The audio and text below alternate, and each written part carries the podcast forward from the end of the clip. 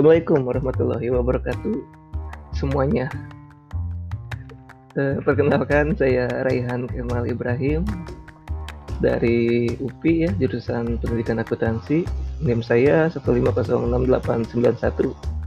Di sini saya akan menjelaskan mata kuliah atau mata pelajaran akuntansi dasar ya di materi jurnal penyesuaian. E, materi yang akan kita bahas pada kali ini adalah ada pengertiannya, pengertian jurnal penyesuaian ya. Terus tujuan jurnal penyesuaian, kenapa sih nah, kita harus nyusun jurnal penyesuaian? Terus jenis-jenis akun yang perlu disesuaikan. Jadi akun apa saja yang perlu disesuaikan nanti di laporan keuangan. Lalu ada macam-macam ayat jurnal penyesuaian. Jadi eh, itu materi materi eh, tiga tiga pokok materi yang akan kita bahas pada kali ini.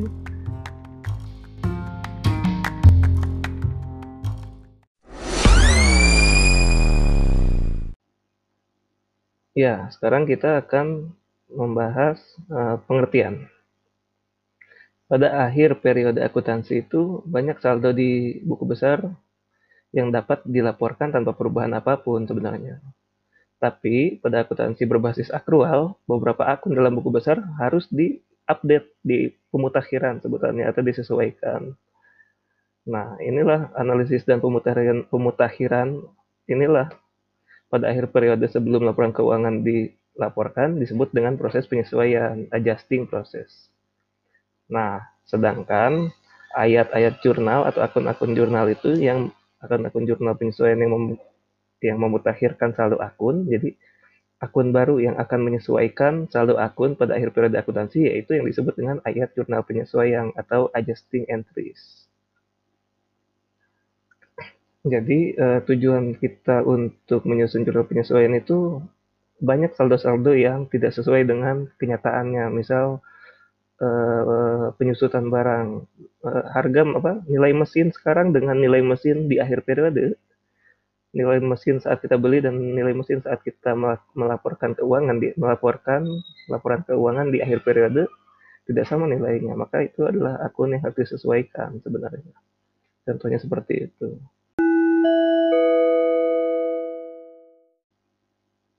Ya, sekarang kita masuk ke materi yang kedua, jenis akun yang memerlukan penyesuaian. Ada empat akun yang memerlukan ayat jurnal penyesuaian. Pertama, golongan pertama adalah yang melibatkan penerimaan atau pengeluaran pengeluaran kas di awal, yaitu beban dibayar di muka dan pendapatan diterima di muka.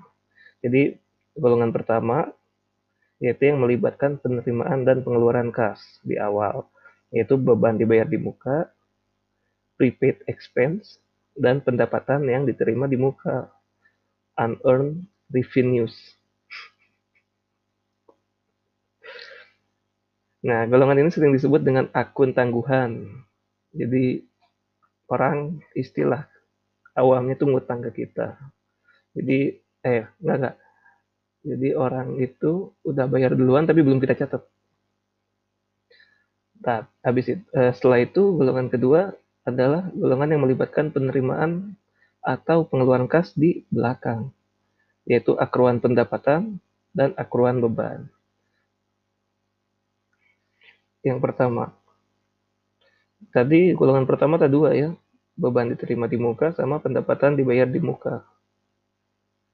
Eh, beban dibayar di muka sama pendapatan diterima di muka. Yang pertama, beban dibayar di muka atau prepaid expense yang kadang disebut juga beban yang ditangguhkan adalah akun yang awalnya dicatat sebagai aset karena kasnya telah dibayarkan. Padahal jasa atau barangnya belum diterima. Aset ini kemudian berubah menjadi beban seiring dengan berlalunya waktu. Nah, dari awal yang dibayar di bayar di muka itu sampai waktu kita mencatat laporan keuangan ini. Seiring berjalannya waktu menjadi beban, atau melalui operasi normal usaha. Bahan habis pakai, perlengkapan ya, sewa dibayar di muka, dan asuransi dibayar di muka adalah dua contoh beban dibayar di muka yang memerlukan, memerlukan penyesuaian pada akhir periode akuntansi. Yang kedua tadi, yang golongan pertama, pendapatan diterima di muka. Kadang disebut juga pendapatan yang ditangguhkan, adalah akun yang awalnya dicatat sebagai kewajiban, karena kasnya telah diterima, padahal jasa atau barangnya belum diberikan kepada pelanggan. Kewajiban ini berubah menjadi pendapatan, jadi kewajiban yang tadi, yang di awal, saat kita melakukan pencatatan laporan keuangan ini menjadi pendapatan seiring dengan berlalunya waktu dan eh atau melalui operasi normal usaha. Contoh pendapatan diterima di muka dan sewa diterima di muka, contohnya itu. Pendapatan diterima di muka dan sewa diterima di muka. Contoh transaksi yang masuk sebagai pendapatan diterima di muka adalah menerima pendapatan di muka atas pesanan barang yang terjadi di bulan yang akan datang. Jadi kayak open eh ya pre-order lah contoh zaman sekarang. Terus golongan kedua tadi golongan kedua itu golongan yang melibatkan penerimaan atau pengeluaran kas di belakang. Ya, yang pertama itu pendapatan yang masih harus diterima atau akrual pendapatan akru, akrual pendapatan atau istilahnya piutang pendapatan adalah pendapatan yang telah dihasilkan. Jadi kita udah dapat nih pendapatannya, tapi belum dicatat di akun pendapatan. Contoh, imbalan jasa yang telah diberikan oleh seorang pengacara namun belum ditagihkan ke kliennya pada akhir periode. Mungkin karena kasusnya belum beres atau seperti apa, ada hal-hal tertentu. Jadi pendapatannya kita terima di muka nih. Tapi kita belum catat di akhir periode di pencatatan. Terus beban yang harus dibayar atau akrut akru, apa ak, beban akrual, akrual beban. Jadi beban yang masih harus dibayar adalah beban yang telah terjadi. Jadi kita udah merasa, eh, kita udah mm, menanggung beban tapi kayak tadi, kalau tadi belum dicatat di akun pendapatan, sekarang belum dicatat di akun beban pada saat akhir periode, saat kita akan melaporkan laporan keuangan. Contoh beban yang harus dibayar adalah utang gaji kepada karyawan pada akhir periode. Para karyawan sudah sudah bekerja, sudah melakukan kewajiban mereka. Nah, kita uh, masih punya beban kan, tapi belum dicatat di akun beban. Nah, karena gajinya dibayar di akhir periode. Contoh lain utang bunga, misal utang bunga dan utang pajak. Ya, itulah jenis-jenis uh, akun yang perlu disesuaikan. Tadi saya menjelaskan tentang uh, penyesuaian dan ayat jurnal penyesuaian. Yang tadi ayat jurnal penyesuaian adalah saldo akun apa? Ayat jurnal yang memutakhirkan, yang mengupdate. Jadi akun-akun yang mengupdate saldo akun pada akhir periode akuntansi. Jadi ayat-ayat jurnal penyesuaian itu ada beberapa ya. Saya contoh eh, contohnya adalah beban terutang. Nah, beban terutang itu akunnya ada dua. Beban gaji di saldo debit dan utang gaji di saldo kredit. Jadi beban gaji dan utang gaji, beban ber, beban gaji bertambah di debit, utang gaji tambah di kredit. Lalu pendapatan yang harus diterima tadi, akunnya itu adalah piutang jasa dan pendapatan jasa. Piutang jasa di, di debit, uh, pendapatan jasa di kredit. Uh, piutang bertambah, piutang berkurang, pendapatan bertambah di kredit.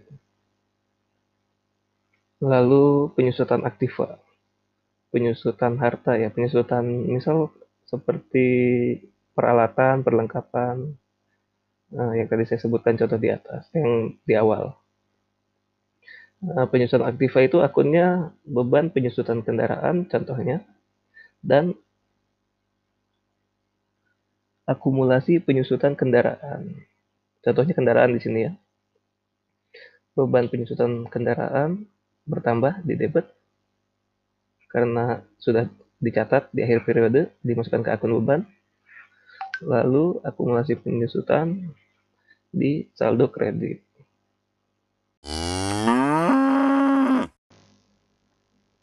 lalu ada beban dibayar di muka atau piutang beban bisa dicatat dengan dua cara. Dicatat sebagai harta dan dicatat sebagai beban. Yang dicatat sebagai harta akunnya ada empat. Untuk satu tanggal asuransi dibayar di muka dan kas. Asuransi di muka di debit dan kas di kredit. Karena kasnya berkurang ya. Nah, lalu di tanggal selanjutnya eh, di tanggal awalnya itu tanggal awal periodenya itu tadi. Kan tanggal akhir periodenya pada Desember tanggal 31 di sini contohnya beban asuransi dan asuransi dibayar di muka. Beban asuransi debit bertambah dan asuransi dibayar di muka ini sekarang di kredit. Lalu bisa juga tadi dicatat sebagai beban juga. Untuk pada awal periodenya akunnya ada beban asuransi dan kas. Uh, beban beban asuransinya ditaruh di debit karena bertambah di debit dan kas berkurang di kredit. Lalu ada tanggal selanjutnya asuransi dibayar di muka dan beban asuransi. Asuransi dibayar di muka di debit dan beban asuransi di kredit. Selanjutnya ada akun eh, ayat jurnal penyesuaian yaitu pemakaian perlengkapan. Pemakaian perlengkapan jadi contohnya seperti lem atau solatif atau pulpen eh ya tinta pulpen mungkin atau isi pensil mekanik kalau sudah dipakai kan berarti e, berkurang ya perlengkapan habis bisa habis si perlengkapan tersebut. Jadi harus disesuaikan di akun-akun penyesuaiannya itu ada dua yaitu beban perlengkapan kantor kantor di sini ya dan perlengkapan kantor. Beban perlengkapan kantornya bertambah debit. Dan perlengkapan kantornya berkurang karena tadi kan habis. Karena berkurang dipakai. Kalau nggak dipakai berarti nggak akan habis. Karena ini dipakai.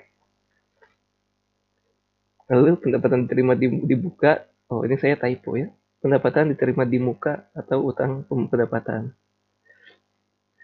Pendapatan dicatat sebagai utang. Uh, oh ya bisa di, bisa dicatat dua ya, dicatat pendapatan dicatat sebagai utang dan dicatat sebagai pendapatan. Yang dicatat sebagai utang itu ada tanggal awalnya kas bertambah ya di debit dan sewa dibayar di mukanya di kredit. Lalu pada 31 Desembernya sewa diterima di muka di debit dan pendapatan sewa di kredit. Lalu selanjutnya bisa juga dicatat sebagai apa pendapatan diterima di muka itu bisa dicatat dicatat di sebagai pendapatan. Pada tanggal awalnya kas di debit karena bertambah dan pendapatan sewa di kredit. Kas bertambah di debit ya tadi karena pendapatan lalu di tanggal 31 Desembernya pendapatan sewanya di debit berkurang debit dan sewa diterima di mukanya di kredit. Jadi itu adalah materi terakhir yang akan kita bahas. Eh, yang yang sudah kita bahas. Jadi tadi ada tiga ya materi pokoknya. Ada pengertian, pengertian dan tujuan. Kenapa sih uh, ayat jurnal penyesuaian itu harus disusun? Lalu ada uh, jenis-jenis akun yang harus di eh, sesuaikan. Tadi ada empat ya, dua golongan. Yang golongan pertama itu eh, melibatkan penerimaan dan pengeluaran kas di awal ya. Di, nah, perlu diingat di awal di garis bawahi itu golongan pertama. Dan golongan kedua itu adalah eh, penerimaan atau pengeluaran kas di belakang. Jadi sudah diterima penerima eh, kasnya di apa, eh, pendapatannya sudah diterima, kasnya di belakang. Jadi yang harus diterima. Jadi pendapatan yang harus diterima ini belum diterima dan harus diterima pada akhir periode dan beban yang harus dibayarkan pada akhir periode.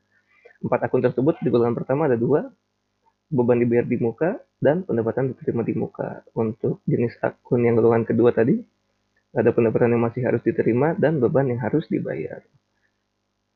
Lalu macam ayat jurnal penyesuaiannya tadi ya, ada eh, berapa ini ya? 1, 2, 3, 4, 5, 6 ada 6 ya. Yaitu beban terutang pendapatan yang masih harus diterima penyusunan aktiva beban dibayar di muka atau piutang beban lalu ada pemakaian perlengkapan lalu ada pendapatan diterima di muka atau utang pendapatan.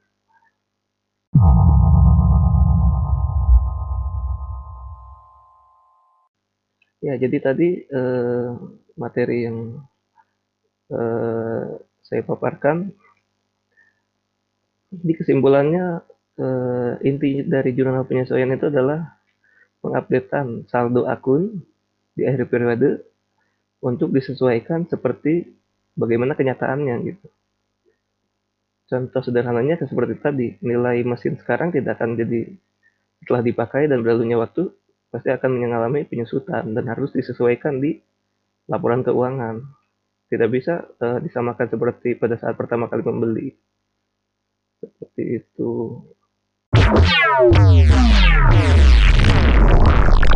Nah, sekian dari saya mungkin, uh, terima kasih, maaf apabila banyak kekurangan dan kesalahan, karena manusia tidak luput dari dosa ya. Uh, wassalamualaikum sekian dari saya, wassalamualaikum warahmatullahi wabarakatuh.